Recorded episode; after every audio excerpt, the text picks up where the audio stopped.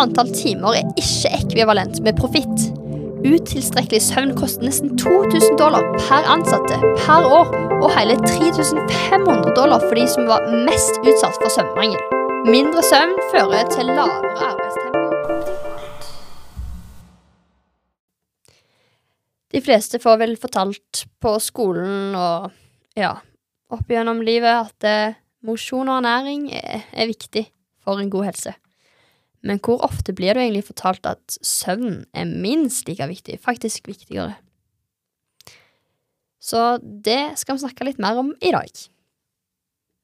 Misforstå meg rett, ernæring er viktig, fordi hvis du faster, så vil faktisk søvn bli litt fraværende, iallfall i en liten periode. Helt til søvn tar over igjen. Fordi hvis, han, hvis kroppen skal prioritere, langsiktig så er søvn viktigst. Søvn er også viktig for å faktisk ha en frodig tarmflora, for å forebygge hjerte- og karsykdommer og diabetes. Bare etter én uke med utilstrekkelig søvn så kan du få symptomer på prediabetes, da, altså før diabetes. Immunforsvaret blir påvirka, og for at du skal på en måte opprettholde gode muskelfunksjoner og generelt godt humør, så er søvn helt essensielt. Og det er litt sykt, fordi nå har jo jeg nevnt mange ting som på en måte er veldig omtalt i media som folkesykdommer, ikke sant? Hjerte- og karsykdommer, diabetes, immunforsvar, godt humør, altså sånn, ja, fedme òg. Og det er litt sykt.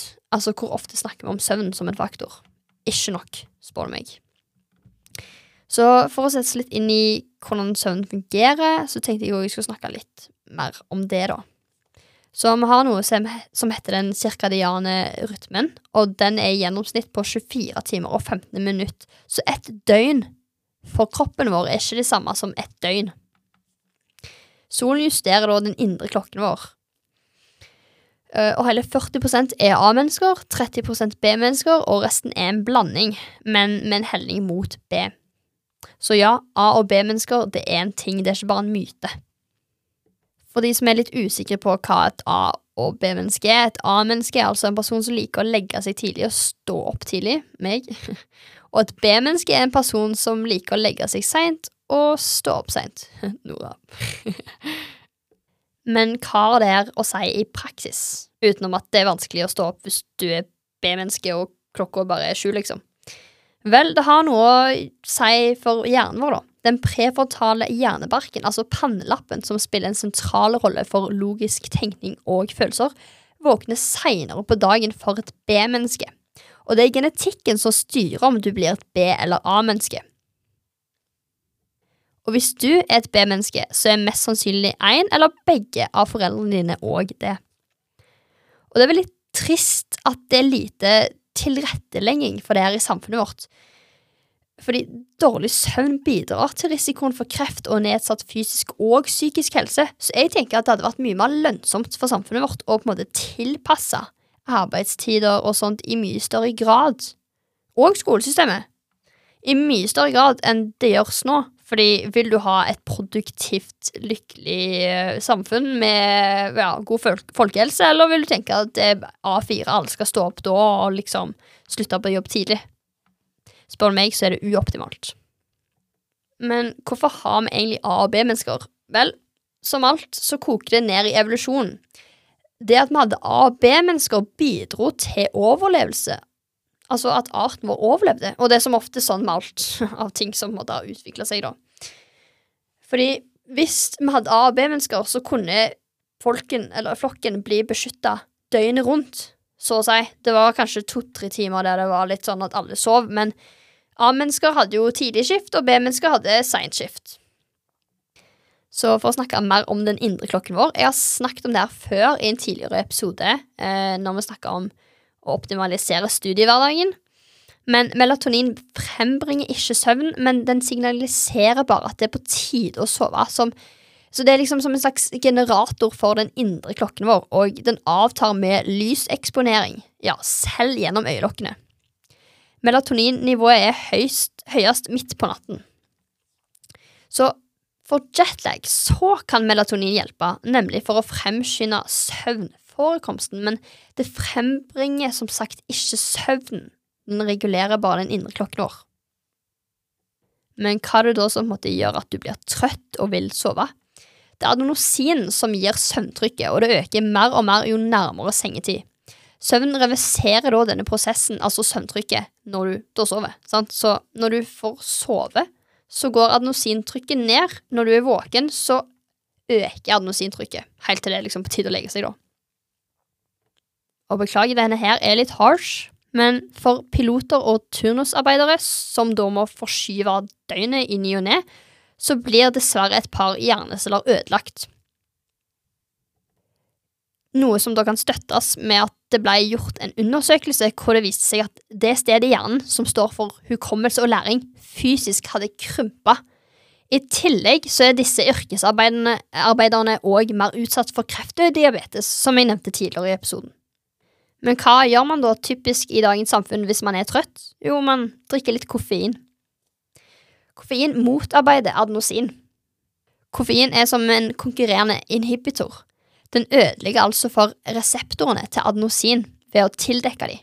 Du kan se på det som en slags stollek, der koffein får stolen før adenosin, da. Og koffein har en halveringstid på hele fem til sju timer. Så det er noe å ta i betraktning. Selv om at du har inntatt koffein, så er det ikke sånn at adenosin forsvinner. Men når koffein har forsvunnet ut av systemet, så kommer adenosin, og da kommer det der trykket, da. Søvntrykket. Og det er veldig viktig å huske på at koffein finnes ikke bare i kaffe, men òg i energidrikker, det visste du nok, men slankepiller, smertestillende, mørk sjokolade og iskrem. Og det viktigste enzymet som da eh, forbrenner koffein, heter cytokrom, og forekomsten av det er avhengig i stor grad av genene. Det vil altså si at halveringstiden er lengre for noen enn for andre.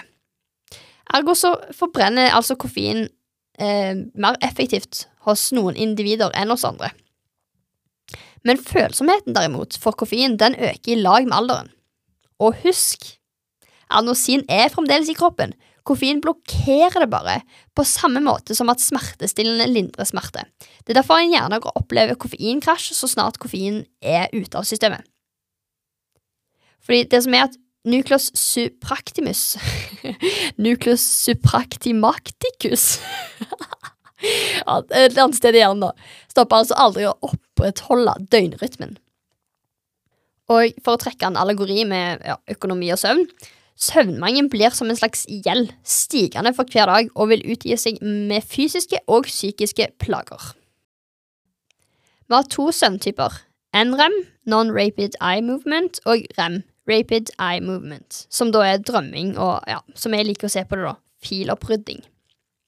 Du kan altså aldri ta igjen søvn, fordi at det er satt i system. Det er en fase, og den går når den går. Så hvis du ikke sov når du egentlig skulle ha sovet, så går du glipp av den. Ja, du kan se på det som at du går glipp av en TV-serie, eller liksom et eller annet på TV. Det, det, begynner når det begynner. Enten er du til stede, eller så gikk du glipp av det. Sånn er det med søvnen. Men det som er litt sånn interessant å tenke på, er at i dagens samfunn så sover du en gang til dagen, ikke sant? Men før, når vi var jegere og sankere, altså ca. 10 000 år før Kristus, så hadde vi, hadde vi et eh, bifasisk søvnmønster, altså at vi sov to ganger til dagen. Vi sov en lengre periode om natten, når midnatt faktisk var midnatt. Eh, på rundt syv til åtte timer varte denne søvnen. Og så etterfulgt av en blund på 30-60 minutter på ettermiddagen. Men ikke etter klokka tre. så det er jo bare et eksempel på at evolusjonen går seint, men livsstilen vår har endra seg drastisk. Så det er ikke dumt med siesta. Vi burde egentlig implementere det i hverdagen vår. Så hvis du vil på en måte optimalisere um, alt fra konsentrasjon til folk på skolen eller uh, folk på jobb, og du skal ha en presentasjon, ta og hold den presentasjonen før tolv. Fordi da er det veldig vanlig at man naturligvis blir trøtt. Og nå kommer vi inn på et viktig tema, da. Søvn på arbeidsplassen. Antall timer er ikke ekvivalent med profitt. Utilstrekkelig søvn koster nesten 2000 dollar per ansatte per år, og hele 3500 dollar for de som var mest utsatt for søvnmangel. Fire store selskaper i USA ble testa når de her resultatene kom fram. Mindre søvn fører til lavere arbeidstempo og langsom fullføring av oppgaver. Ergo, jo bedre du sover, desto mer produktiv blir du. Og det er her jeg stiller meg så sykt kritisk, fordi det er sånn Ok, åtte til fire-jobb, ikke sant? Det er sikkert det jeg ender opp med, men ja Det går sikkert fint for meg, da, for jeg er et A-menneske, ikke sant? Men det var så teit å tenke på. Tenk hvor mange penger firmaer taper årlig fordi at kollegaene, eller liksom de ansatte, ikke sover nok. Enten fordi at de er B-mennesker og må, må, komme tidlig på jobb, eller rett og slett at de hadde det litt for kjekt foran Netflix før de la seg, liksom. Det er jo på en måte deres feil, men hvem sitt problem blir det? Det blir jo på en måte alle sitt problem. For tilstrekkelig med søvn bidrar til energioverskudd, eh, kreativitet, godt humør, og der er alle viktige ting for innovasjon og utvikling. Og studier på arbeidsplasser har vist at medarbeidere som sover i seks timer eller mindre, er vesentlig mer avvikende og større sannsynlighet for å lyve dagen etter, sammenlignet med de som sover i seks timer eller mer. Og det er jo litt skummelt. Altså, tenk at ok, hvis du på en måte lider av søvnmangel, så har du større sannsynlighet for å egentlig gjøre noe ulovlig, for eksempel. Søvn og utdannelse er òg et viktig perspektiv her. Med over 80% av eh, videregående eh, skoler i USA så begynner elevene før 8.15. Og med nesten 50% av de her så begynner elevene før 7.20. Og ikke for å glemme transporttid, hvor tidlig må en da ikke stå opp? Dette er jo problematisk av to årsaker. Nummer én, A- og B-mennesket er et faktum. Nummer to, tenåringens døgnrytme er forskjøvet fram med én til tre timer. Altså, tenåringer er skapt for å på en måte være mer B-mennesker. Hvorfor er det sånn her, egentlig? Um, han Matthew, Matthew Walker i boka Hvorfor vi sover, um, han hadde en liten teori om at det var på for de før i tida, altså når vi var litt mer hva skal jeg si, steinalder-type mennesker, så var liksom eh, det vanlige at ungdom var våkne seinere på kvelden for å på en måte utforske og hva skal jeg si, være litt eh, ute av syne til de eldre, da. Men det var jo bare en teori, men det kan jo godt gi mening, da, at uh, ja, ungdom er skapt for å liksom utforske når det gjelder å sove. jeg har jo som sagt tidligere nevnt i denne episoden at turnusarbeidere og piloter, da, men turnusarbeidere som skyver på døgnet i ny og ne, har jo sannsynlighet for å på en måte få dårligere hukommelse og forståelse Altså, læringsevnen blir dårligere, og de øker sannsynligheten for kreft, fedme og diabetes. Um, generelt dårligere livskvalitet. Og det er litt sånn skummelt å tenke på, fordi hvis du hadde vært innlagt på sykehuset, hadde du turt å spørre legen eller sykepleieren som behandler deg, om hvor mye han eller hun hadde sovet det siste døgnet? Helt ærlig. Og her syns jeg vi burde gjøre noe.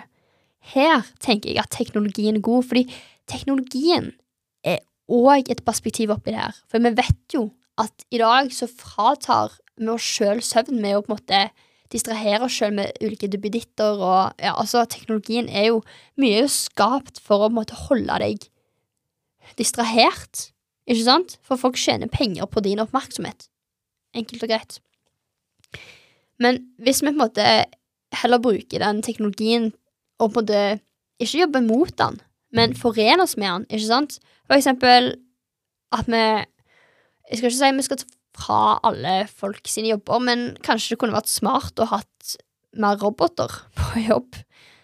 Selvsagt, det erstatter jo ikke menneskelig kontakt, men hvis vi hadde hatt roboter kontra å på en måte ødelegge døgnrytmen til fullt av mennesker, så hadde jo det vært mer optimalt, tenker jeg.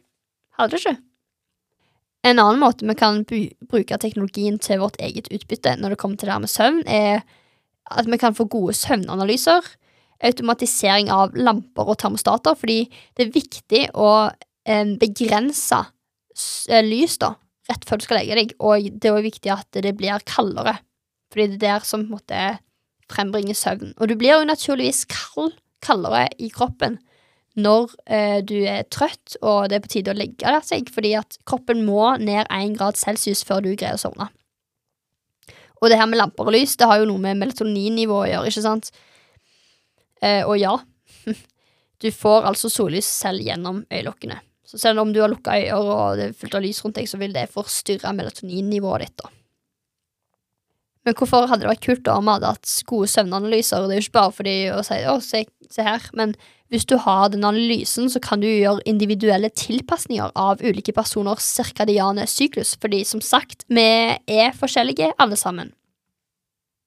Hvis du er litt mer nysgjerrig på det her, um, så har vi lagt ut en post på Instagram, optimalt.podkast, der vi oppsummerer tolv ja, råd for god søvn. Jeg anbefaler å sjekke ut den siste del av episoden tenkte jeg bare skulle bruke til å ja, drøfte litt, eller liksom Jeg vet ikke, drømme meg litt bort, kanskje.